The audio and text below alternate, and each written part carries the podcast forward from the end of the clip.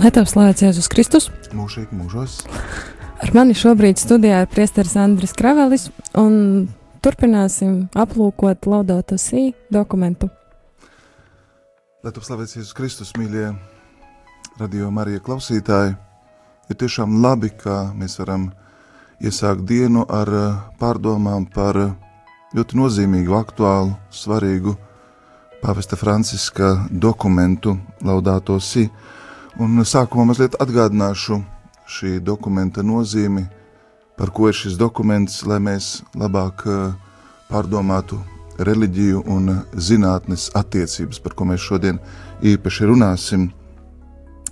Tātad eh, pāvests eh, Francisks raksta šo dokumentu, sagatavojot to ar ļoti daudziem līdzstrādniekiem, konsultējoties un tādā ļoti ekumeniskā gaisotnē kopā ar patriarhu Bartolomeju, viņš e, prezentējot šo dokumentu uzsver, ka patiesībā tas ir jauns e, solis uz priekšu baznīcas sociālajā mācībā. Un šis nav dokuments vienkārši par klimata pārmaiņām vai piesārņotību vai ekoloģiju.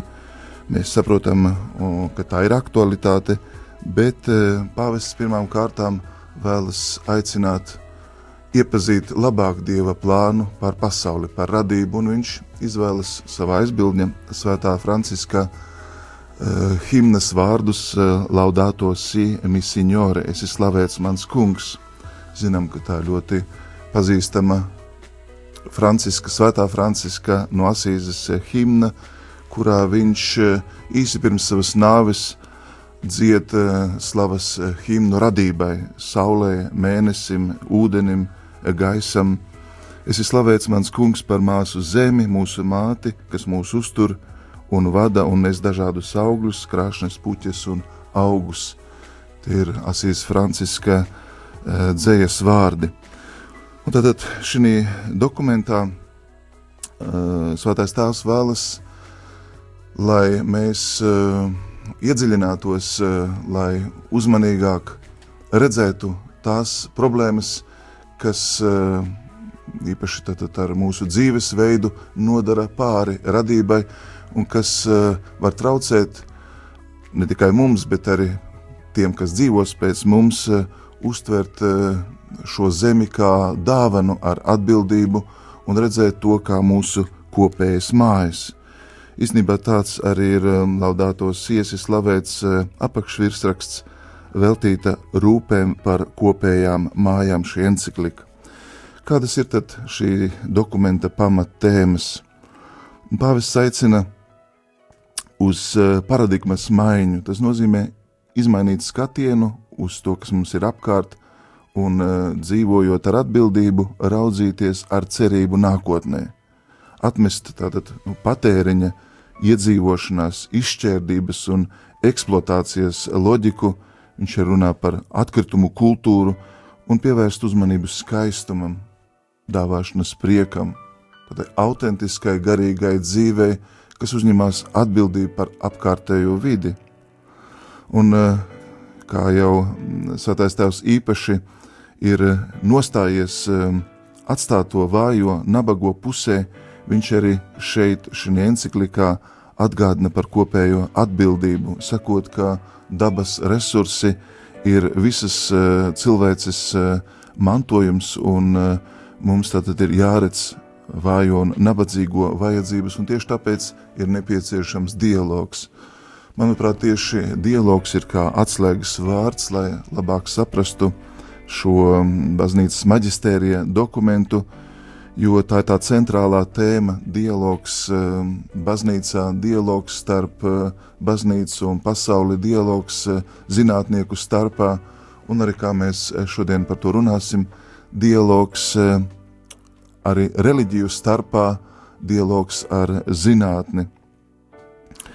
Dialogs arī starp politiskām varām un sistēmām, jo Dieva vārds, kas ir mūžīgs, tam ir ļoti tā var teikt, būtisks, svarīgs vēstījums eh, cauri paudžu paudzēm. Tas mūs atgādina par cilvēka atbildību, par um, debesu valstību un tādā veidā palīdz cilvēkam šī pasaulē dzīvot sagatavoties mūžīgai dzīvei.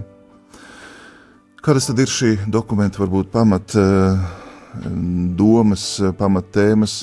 Pāvis saka, ka ekoloģijas un sociālā krīze, tad ekoloģiskā krīze ir visciešākā mērā savstarpēji saistītas. Tās nav divas krīzes, bet ja mēs nerūpējamies par cilvēka cieņu, eh, mēs eh, nevaram pasargāt eh, dabu, mēs neredzam cilvēka, tā var teikt, pārdabisko aicinājumu kopīgi apsaimniekot, labi izmantot dabas resursus, piemēram, okeānu dzīļu bagātības, tas pieprasa tādu rīcības briedumu un arī uh, Eh, starptautisku sadarbību, piemēram, izpētot un turpinot iedziļināties dabas likumos un tajās bagātībās, ko Dievs mums ir dāvājis. Pāvests aicina mainīt dzīves kultūru, un interesanti, ka šī enciklikā pāvests arī atsaucas uz dažādām autoritātēm, ne tikai ticīgiem zinātniekiem, bet uh, arī uz eh, tādiem, kas varbūt nav izteikuši savu um, gatavību piederēt tādai vai citai baznīcai, un tas samērā ir reti. Tiek citēt arī filozofi kā Rikērs, teologs Guardini. Interesanti, ka ir pieminēts musulmaņu mistiķis Aliāla Kavaha, un uh, cauri šim dokumentam izskan šis jautājums, kāda tad ir šī pasaule, kuru mēs gribam nodot tālāk mūsu bērniem, kuri aug. Un eh, vai mēs tiešām apzināmies, ka Dievs mums ir devis kopējas mājas, ka mēs eh, esam atbildīgi par šo pasauli. Un tad sešās nodaļās pāvests eh, cenšas izklāstīt, gan argumentēt, un pirmkārt viņš pirmajā nodaļā uzdot šo jautājumu, kas notiek ar mūsu kopējām mājām. Viņš pieskarās eh, piesārņotībai, ūdenim, pieskarās dzīves eh, kvalitātei, arī šai globālai nevienlīdzībai un eh, šajā viedokļu plurālismā arī atklāsmes gaismā dot katoliskās baznīcas viedokli. Bet, lai to labāk saprastu, otrajā nodaļā viņš runā par radīšanas evaņģēliju tieši balstoties uz Bībeles vēstījumu, viņš runā par šo pasauli, par visumu, par to, kā Dievs ienes eh, šajā pasaulē eh, radīšanas brīdī kārtību, harmoniju. Viņš sakārto šo pasauli, un tā ir tāda vispārējā kopība, kur tieši Kristus kas piepildot cilvēku ilgas pēc svētlaimes, dot atbildi uz cilvēka pārdabisko aicinājumu. Trešajā nodaļā viņš runā par ekoloģiskās krīzes sekām un runā par tehnoloģiju kārdinājumu un tāpat laikā arī svarīgumu nozīmi. Viņš runā par cilvēka antropocentrisma krīzi un tās sekām, runā par relativismu un arī nepieciešamību tātad uh, pareizi atklāt cilvēka sūtību šajā pasaulē.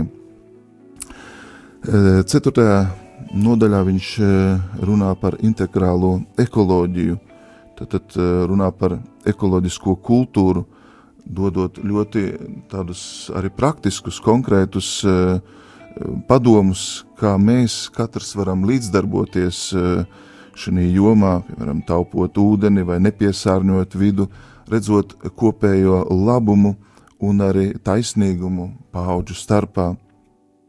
Un eh, šodien mēs vairāk apstāsimies pie piektās eh, nodaļas, kur tad eh, viņš dod dažas vadlīnijas, kādā veidā mēs varam nu, pareizi izdzīvot šo aicinājumu ar Dieva bērna cieņu un tāpat laikā esot harmonijā ar radību. Un e, jautājums, kuru mēs šodien kopīgi apskatīsim, atrodas e, piektās nodaļas, e, piektajā apakšnodaļā, kur ir runa par reliģiju dialogu ar zinātni. Jā, zīmīgi, ka pāvests runās par reliģijām, viņš nerunās tikai par kristīgo ticību, bet šeit runās par to, kā arī citas reliģijas gan respektē, gan līdzdarbojas cilvēka pārdabiskā aicinājuma īstenošanā. Sagatavosimies, lai uzklausītu šo tekstu, lai iedziļinātos šajā piektajā nodaļā, piektajā punktā, un tagad kāds mirklis muzikālai pauzē.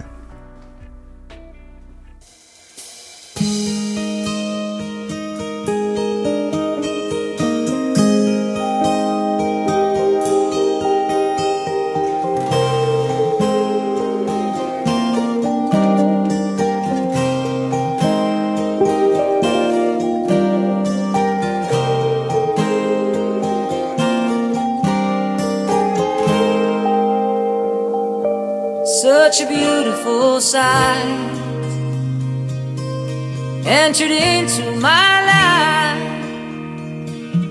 My interest conquered the fright. Be the mother of all light. Pounding heart rolls in speed.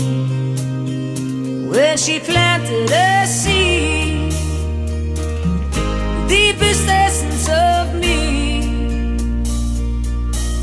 my spirit was free. Oh, I thanking Blessed Mary for life divine. Thanking Blessed Mary for life divine. Thanking Blessed Mary for light. Temptation messed me around. She picked me up from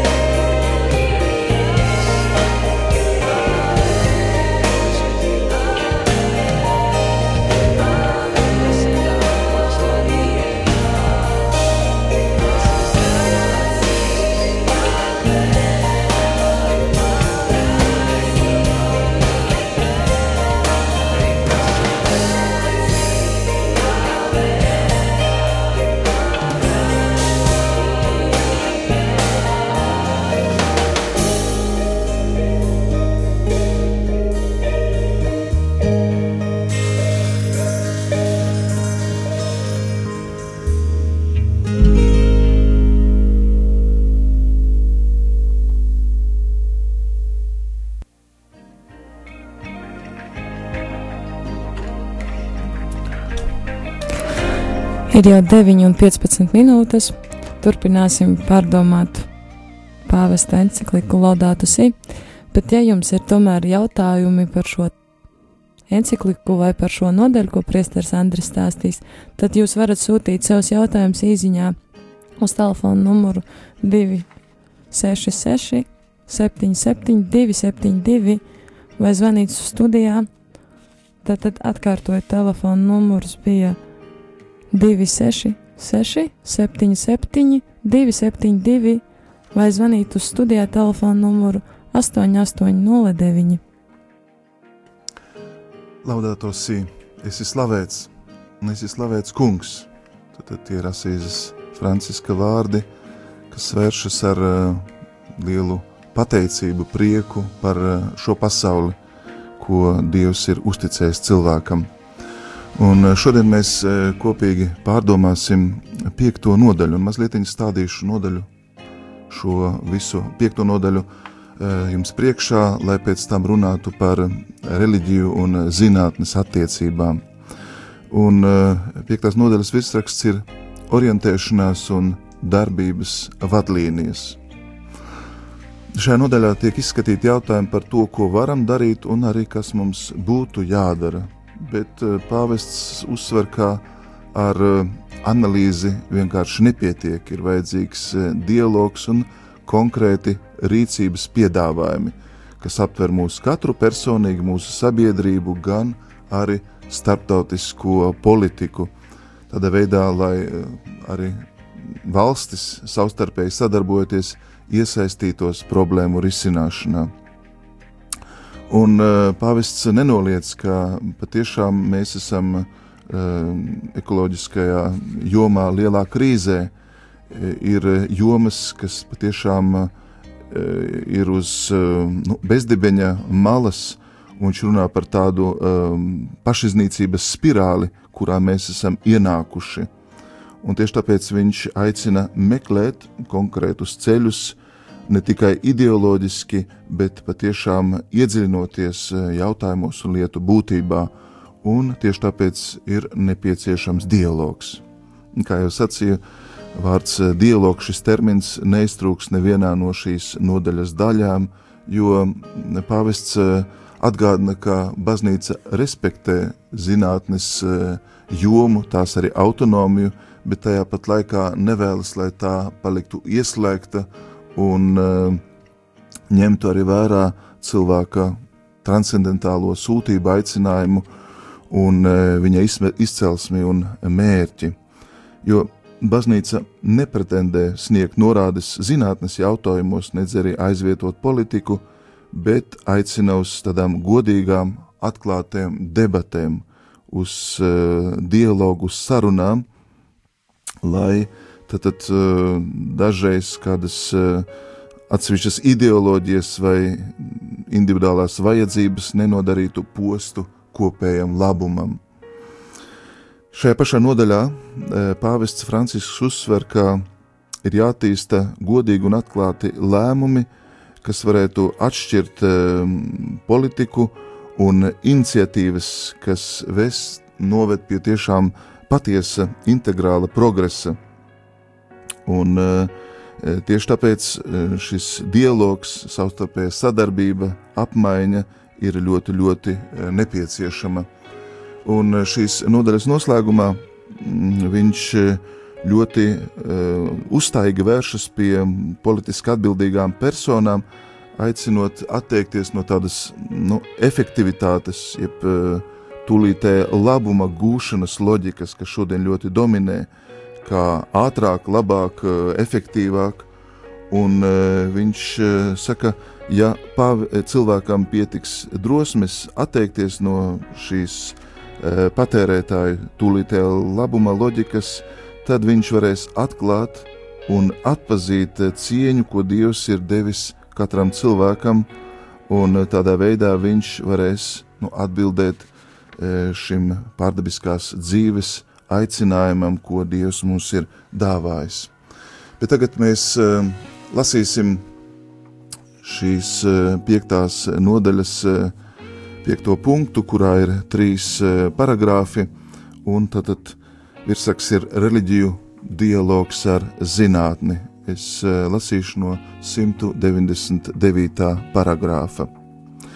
Nevar apgalvot, ka empiriskā zinātne spēja pilnībā izskaidrot eh, dzīvību, visu radību, dziļāko būtību un realitātes kopumu. Tas nozīmē nepamatoti pārkāpt pašas zinātnes metodoloģijas noteiktās robežas. Ja spriežam, paliekot šo robežu ietvaros, pazūd estētiskā izjūta, poēzija un pat prāta spēja aptvert lietu jēgu un gala mērķi. Ir jāatcerās, ka, un šeit ir citējums, klasiskie reliģiskie teksti var būt nozīmīgi visos laikos. Tiem ir motivējošs spēks, kas parer arvien jaunus apvāršus. Vai tad ir saprātīgi un inteliģenti atstāt tos aizmirstībā tikai tāpēc, ka tie dzimuši ticības kontekstā? Pāvests jautā. Patiesībā būtu naivi iedomāties, ka ētiskie principi var izpausties tīri abstraktā veidā, atrauti no konteksta. Fakts, ka tie tiek formulēti reliģiskā valodā, nekādā ziņā nemazina to vērtību publiskās debatēs etiskie principi, kādus tos, kādus tos spēj uztvert prāts, var atklāt un atkal parādīties visdažādākajos ietērptos, izteikti vārdos un arī reliģiskajā valodā.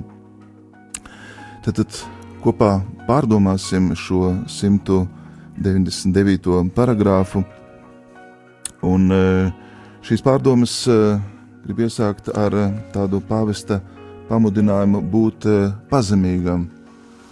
Zinātne un reliģija ir, tā var teikt, nepieciešama viena otrai, jo šeit arī patiesībā būtu jārunā par ticības un prāta attiecībām, jo bez uh, reliģiskā atbalsta zinātne nevienmēr pilnā mērā var redzēt tās sūtību, kopēju iz, uzdevumu un, un pārdabisko aicinājumu. E, kaut kur lasīju, ka piemēram no e, visuma zinātnieki ir tikai izpētījuši 5%, un e, visuma izpēte nemitīgi turpinās, un tas parāda to milzīgo lauku, kas stāv mums priekšā, un tieši dabas noslēpumu atklāšanā zinātne ir aicināta vienmēr ir neizmirst uh, radītāju, kas uh, šos likumus ir ielicis radībā un uh, tos saistīt arī to ar um, pārdabisko mērķi, kas ir dota šai radībai.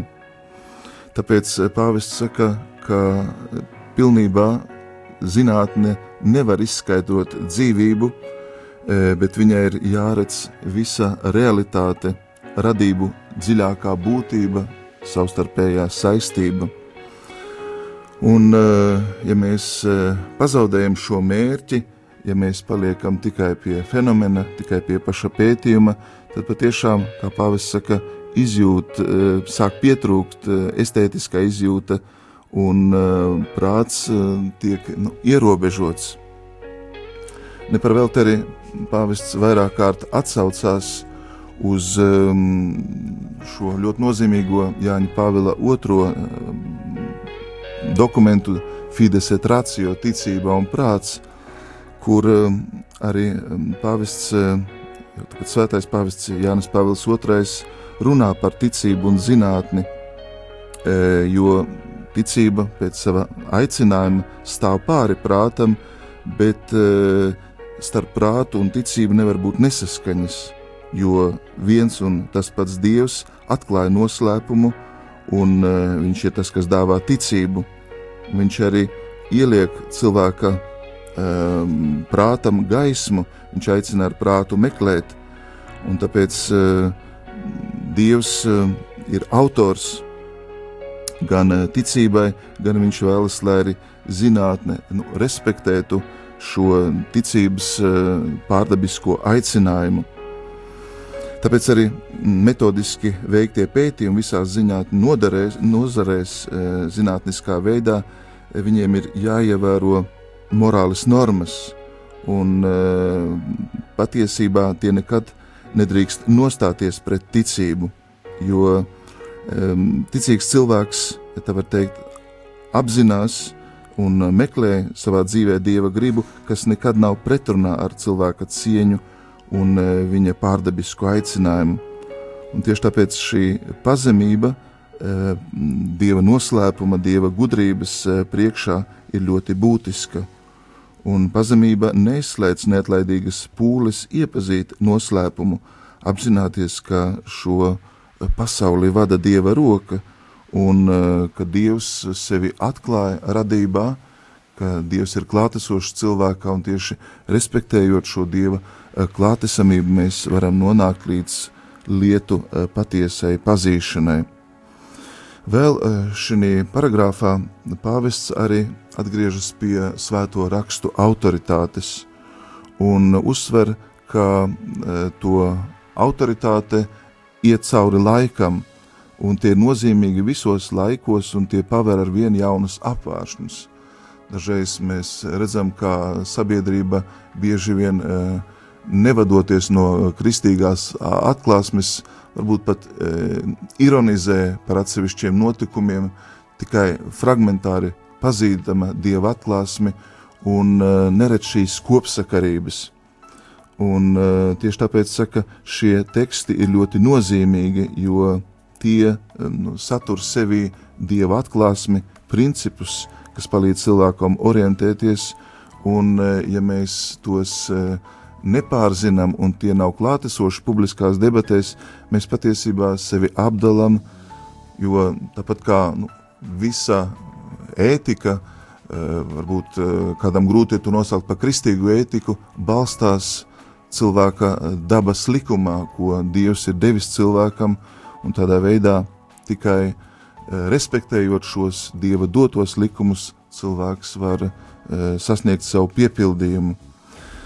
Svētais Tēvs mudina tātad pārdomāt, arī izteikt un ņemt vērā šos klasiskos reliģiskos tekstus, kas runā par radīšanu, kas runā par radīšanas kārtību, par dieva klātbūtni, arī par uh, dieva uzticību un uzticēšanos cilvēkam, nododot uh, radību viņa rokās un darot viņu līdzatbildīgu. Uh, domāju, ka šie jautājumi šodienas sabiedrībā ir patiešām ļoti, ļoti būtiski, jo nu, nepazīstot dievišķu atklāsmi, šī saruna bieži vien ir ļoti šaura, tikai zinātnieku starpā, ja tie neņem vērā. Tad, tad dieva radīto kārtību, likumus un arī atbildību, uz ko mm, cilvēks tiek aicināts no paša dieva. Domāju, ka mēs eh, varam iet tālāk pie nākošā paragrāfa, bet varam pārdomāt šīs patiesības un pēc muzikālās pauzes lasīsim 2200. paragrāfu.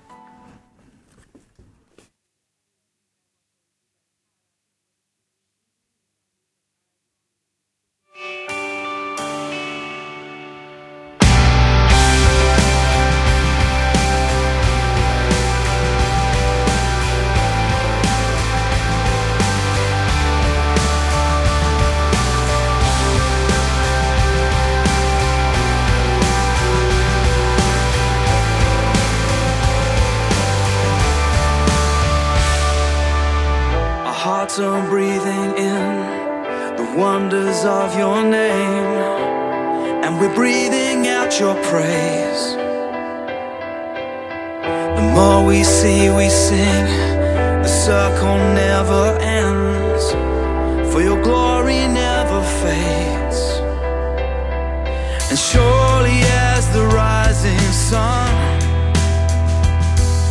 you'll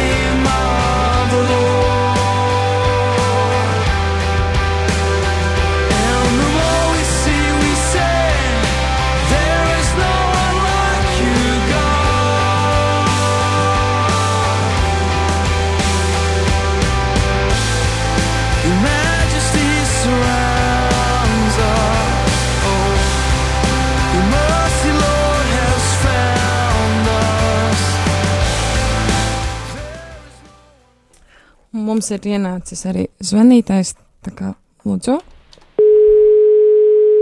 Halo!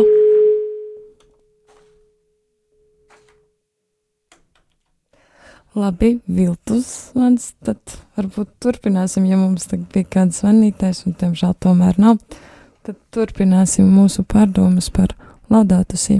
Vēlreiz atgādinu, ka varat tomēr arī sūtīt savus jautājumus un arī zvanīt. Nebaidieties uz telefona numuru 8809 vai sūtīt savas īziņas uz telefona numuru 266 77 272. Ja mēs e, esam apstājušies pie 200. paragrāfa pāvesta Franciska enciklikā Laudāto Si, kur ir runa par reliģiju dialogu ar zinātni. Un pirms kā mēs lasām šo tekstu, es gribētu atgādināt, ka baznīca vienmēr ir e, patiesībā tā, kas bijusi avangardā, kas ir veicinājusi zinātnes attīstību, kas uh, ir, ja tā var teikt, devusi izcilus zinātniekus, un ļoti daudzi patiesībā zinātnieki ir bijuši kristieši ar kristīgu pārliecību, un tieši tāpēc viņi ir veikuši ļoti tādus ievērojumus zinātniskos atklājumus, piemēram, tas pats Galileo Galilejs, protams, dzīvo citā laikā, un baznīcas locekļi tā laikā arī pieļāva kļūdas, un baznīca to arī atzīst, bet uh, tieši baznīca bija tā, kas uh, vēlējās uh, skolas, universitātes, kas vēlējas, lai cilvēks uh, arvien labāk saprastu šo pasauli. Cerēsim, ka šoreiz ir īstais zvanītais. Lūdzu! Halo! Halo! Halo! Mēs klausāmies jūs! Tā, labdien! Vai, labrīt. Sakiet, tas Pēters, Pēters jau mājās vai vēl Kīvā? Vēl šobrīd nav. A, kad viņš būs, nezināt? Grūti pateikt, bet šobrīd jums ir iespēja uzdot jautājumu priesterim Andrim Kravalim par laudātu sī. Es, es saprotu, ka es, es te priecājos bojās zvana. Bet kad viņš būs, nezināt pakaļ Kīvā? Ko viņš tur dara Kīvā? Diemžēl nezinu, gan liels paldies jums par zvanu. Jā, protams, mēs gaidām radiodirektoru Pēteri, un paldies par eh, šo ogres draudzes prāvesta Konstantina Bojāra zvanu. Tad mēs eh, turpināsim eh, pārdomāt zinātnes un reliģiju attiecības, un vēlējos uzsvērt, ka baznīcai rūp zinātniski atklājumi, ka viņa ir, ja tā var teikt, pati pētījusi un turpina tos pētīt bet tāpat laikā mm, briesmas ir tad, ja mēs uzskatām, ka zinātne būtu mm, atraujama no morāliski ētiskiem jautājumiem, vai ka zinātne varētu būt tik autonoma, ka šie jautājumi viņu neskartu.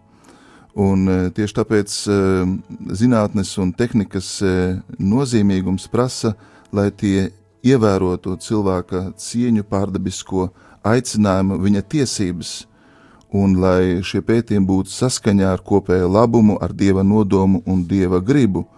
Tad ir daudzreiz dažādi pētījumi, kas pateicoties zinātnē cilvēkam tik noderīgi, ciedinot dažādas slimības, eh, palīdzot cilvēkam, un eh, baznīca to ļoti, ļoti augsti novērtē, bet eh, nevar būt tāda veida pētījumi vai eksperimenti, kas, ehm, ja tā var teikt, ir pretrunā ar cilvēka cieņu vai morālisko likumu.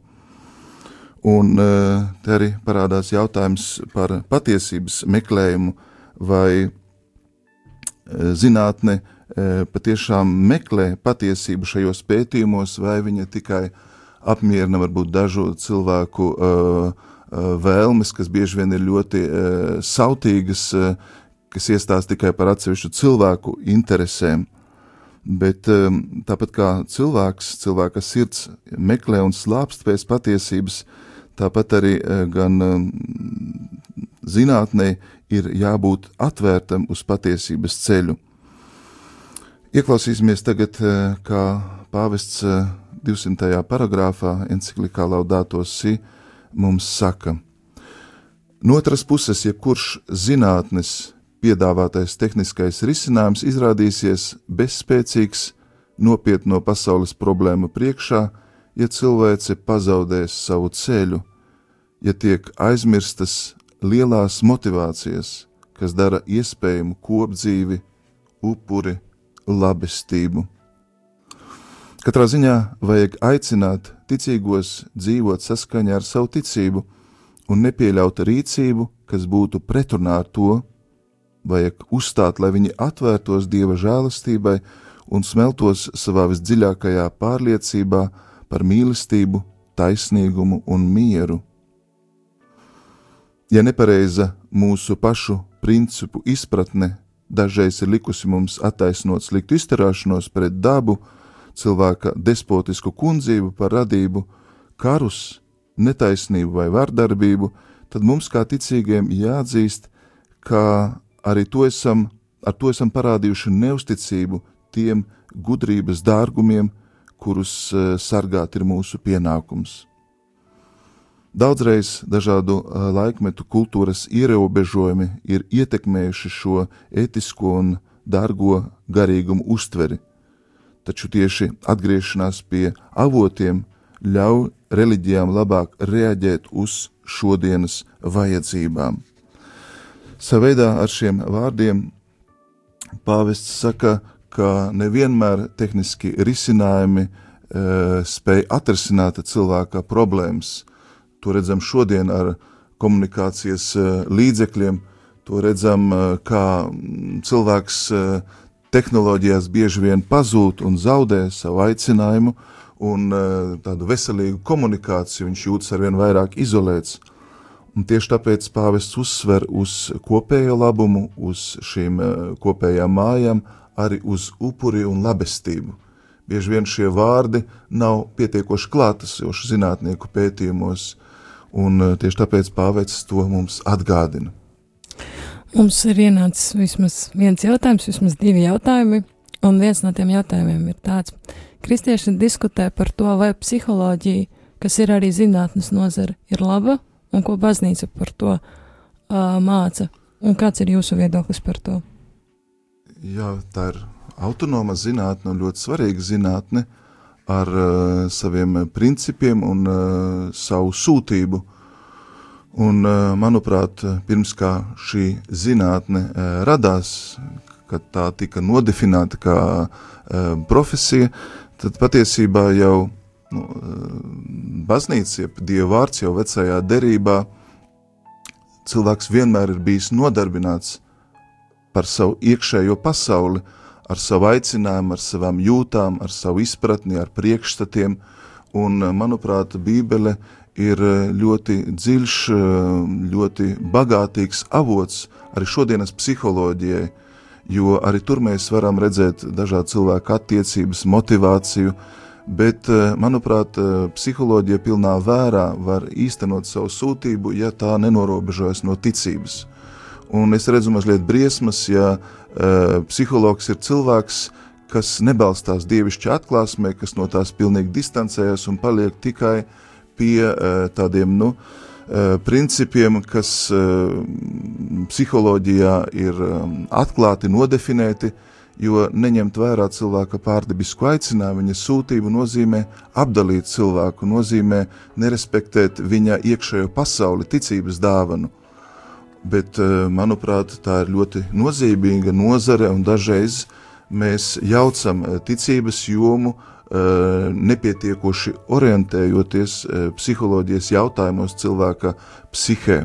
Un tāpēc, manuprāt, ir ļoti apsveicami cilvēki, kas mēģina ar ticības gaismu psiholoģijas, tā var teikt, šīs robežas padziļināt, labāk izprast un arī tādā veidā cilvēkam palīdzēt. Jā, Lielas paldies!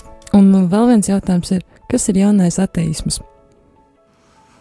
Jaunais ateisms varbūt uh, ar šo terminu uh, varam domāt par šodienas izaicinājumiem, kad cilvēks uh, liekas sev pašpietiekams, kad viņš meklē savu glābšanu tikai šī pasaulē, dzīvojot tā, it kā dieva nebūtu. Uh, bieži vien nu, ieslīgstot to, ko tikko runāja pāvests, savā pasaulē, izolējoties no, no sava pārdabiskā aicinājuma, izvirzot par mērķi tikai, piemēram, tehnoloģijas vai kādus uh, citus mērķus.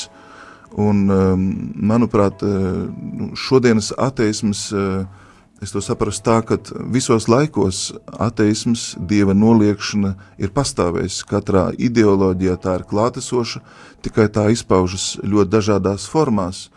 Varbūt šodien mēs nemācāmies zinātnisku ateismu, kā tas bija pirms dažiem gadu desmitiem, bet uh, ir cita veida ateisms, uh, kas neļauj cilvēkam rīkoties pēc sirdsapziņas, kas nomāca cilvēka bieži vien šo garīgo sfēru. Es gribu atsaukties varbūt uz vakardienas diskusiju par, par sieviešu ordināciju, un neteikšu konkrēti, bet tur daži cilvēki bija uzvilkti tikai par to, cik tad sieviete pelna, un it kā tas, ko viņa nopelna, tad darītu viņu laimīgu, un viņa varētu rīkoties kā vien grib. Ja cilvēks e, neņem vērā šo garīgo pārdabisko aicinājumu sūtību un nedomā tādās kategorijās kā pāvests atgādināja upuris, labestība, ja, e, mīlestība, tad viņš patiesībā nodara sev pāri. Un, manuprāt, šodienas ateismas, es teiktu, ir visas tās eh, nu, domāšanas eh, sistēmas, rīcības veidi, kas neļauj dievam atklāties eh, cilvēka sirdī, kas neļauj ieraudzīt dieva klātesamību sabiedrībā, ģimenē, otrā cilvēkā. Ja tad mēs turpināsim pārdomāt šo 200. paragrāfu, un pāvests arī uzsver kaut ko ļoti būtisku mums, kā ticīgiem cilvēkiem, sakot, ka arī ticība ir kā dāvana, kā mm, dievišķa teologāla spēja, ko cilvēks ir saņēmis, kā arī tai jātiek šķīstītai. Un bieži vien mēs dzirdam no cilvēkiem, un tas patiešām arī ir pamatots, sakot, nu, reliģijas ir tās, kas ir izraisījušas konfliktus, karus, cilvēki Dieva vārdā ir uh, lietojušas ieročus un cīnījušies viens pret otru. Jā, jā, ja tā var teikt, eh, Dievs, jeb Dieva koncepts drīzāk, Dieva ideja tiek izmantota uh, politiski, vai cilvēks tādā veidā vēlas dominēt vai rīkojas egoistiski, apspiežot otru, neņemot vērā otra cilvēka cieņu. Un tāpēc uh, patiešām mēs redzam, ka bieži vien reliģijas vārdā ir uh, uzbrukumi cilvēka cieņai, ir atentāti, un tas varbūt nevienmēr mums ir saprotams, un tāpēc arī ticība ir aicināta, tā var teikt, šķīstīties, attīrīties, iet pie dievišķās atklāsmes avotiem, nepalikt tikai tādā virspusējā ideoloģiskā izpratnē, bet vienmēr pārdomāt ticības saturu, jo, kā jau mēs to vairāk kārt uzsveram, Dievs kas ir eh, patiesības, gudrības, eh, svētuma avots, apveltīt cilvēku, katru cilvēku ar eh, nemirstību, ar mūžīgo dzīvi, un cilvēks, kas ir radīts pēc dieva līdzības, un mēs katrs tādi esam radīti, sevī nes jau patiesību, bet bieži vien arī varbūt dažreiz reliģiskas pārliecības var nomākt vai varbūt nepareizi interpretēt šo cilvēka vēlmi pēc mūžības, pēc dieva skatīšanas un bieži vien varbūt ideoloģiju vārdā, tad arī e, cilvēks var nedzīvot autentiski ticību, bet it kā rīkojoties pēdiņās saskaņā ar Dievu vārdu, nodarīt ļaunu vai nepareizi rīkoties vai rīkoties slikti, neadekvāti.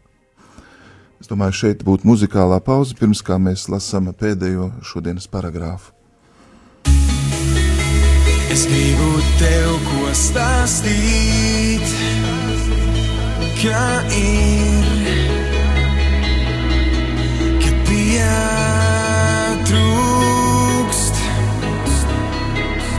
un vairāk nav laika gaidīt. Sirds pulsē, un man slāpst pēc tevis un pēc tava tuvumā,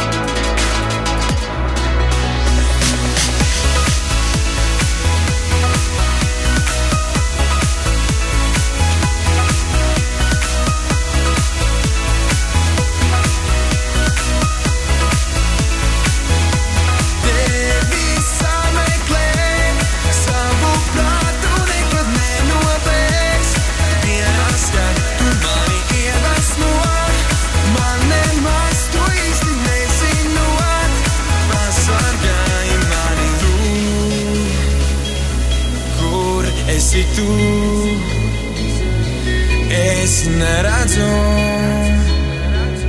palīdzi man.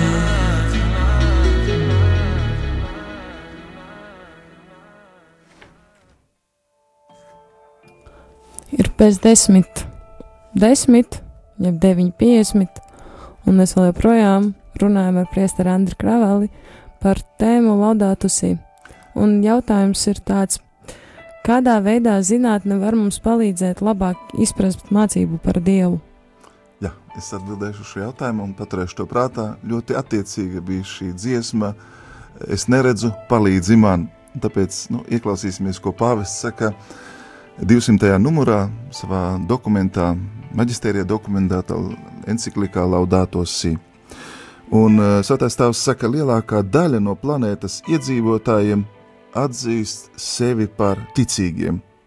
Tāpēc reliģijām būtu jāiesaistās dialogā, kas vērsts uz rūpēm par dabu, uz nabagu aizsardzību, uz savstarpējās cieņas un brālības tīklu veidošanu. Dialogs nepieciešams arī pašu zinātņu starpā, jo katra no tām parasti ieslēdzas savās īpašās valodas robežās, bet eh, specializācija ir tieksme pāraukt izolācijā un savu zināšanu absolutizēšanā, un tas traucē adekvāti risināt apkārtējās vides problēmas.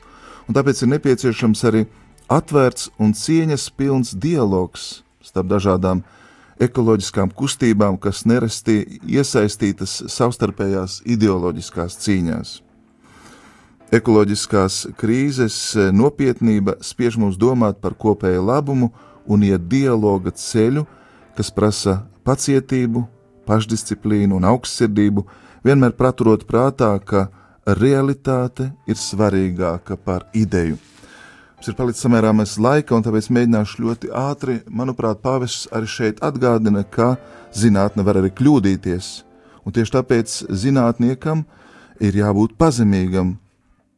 E, var domāt, ka viņš spēja patiesību, bet redzam, ka jauni atklājumi pārspēja viņa izpratni. Un dabas zinātnes apraksta un cenšas izprast tikai materiālo pasauli, un tāpēc bieži vien jāsaprot, ka dažreiz tādas nu, fizikas metodes nav piemērotas, lai spriestu par dvēseli, par nemateriālo pasauli. Kad atceros, redzēju filmu par to, kā cenšas nosvērt dvēseli vai to izmērīt, vai tādā veidā ar fizikas likumiem runāt par garīgo pasauli. Un tieši šeit ļoti svarīga ir teologa klātbūtne.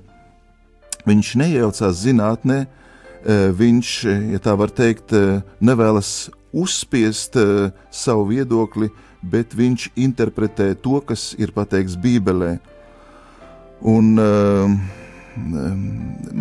manuprāt, reliģija un zinātne, reliģijas un zinātnes tiešām spēja ļoti auglīgi sadarboties.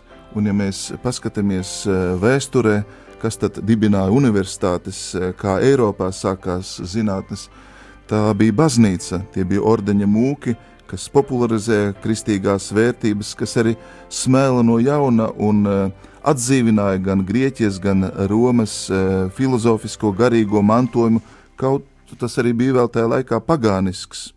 Tāpēc baznīca vienmēr ir nodarbojusies ar izglītību, un viņa ir, ja tā var teikt, devusi ļoti lielu impulsu zinātnes attīstībā. Ja pieminam dažus katoļu zinātniekus un kaut kur lasīju pētījumu, ka gandrīz puse no zinātniekiem apliecina, ka viņi tic dievam, ka viņi arī ņem vērā dieva um, likumus, kas ir atklājami eksperimentā. Bet e, tomēr jāsaka, ka dažās situācijās baznīca e, brīdina un iestājās pret dažiem zinātniskiem eksperimentiem, e, jo dažreiz zinātne, distancējoties no ētiskiem jautājumiem, nu, aizmirst šo pareizo skatījumu uz cilvēku, neredzi viņa pārkāp tās robežas, eksperimentējot kas jau ievaino cilvēka cieņu, un tieši tāpēc baznīca ir šis uzdevums, un manuprāt, ir tieši tāpēc svētais tēvs šeit ar tādu neatlaidību runā, ka cilvēkam ir dota sirdsapziņa, Un uh, cilvēks pētījumos nevar balstīties tikai subjektīvās sajūtās, bet tas saistīts ar vienīgo patiesību, dievišķo patiesību, ko Dievs ir dāvājis cilvēkam. Un ir jāsaka paldies uh, baznīcai, kas šo patiesību nemitīgi atgādina, skaidro. un uh, piekrītu, ka varbūt baznīca nevienmēr izvēlas tādus attiecīgus ceļus vai situācijas, kad patiesība tiek saprasta, bet tā ir īpaša sūtība un uzdevums. Es vēlos atgriezties mazliet pie teksta, ko mēs eh, tikko eh, dzirdējām.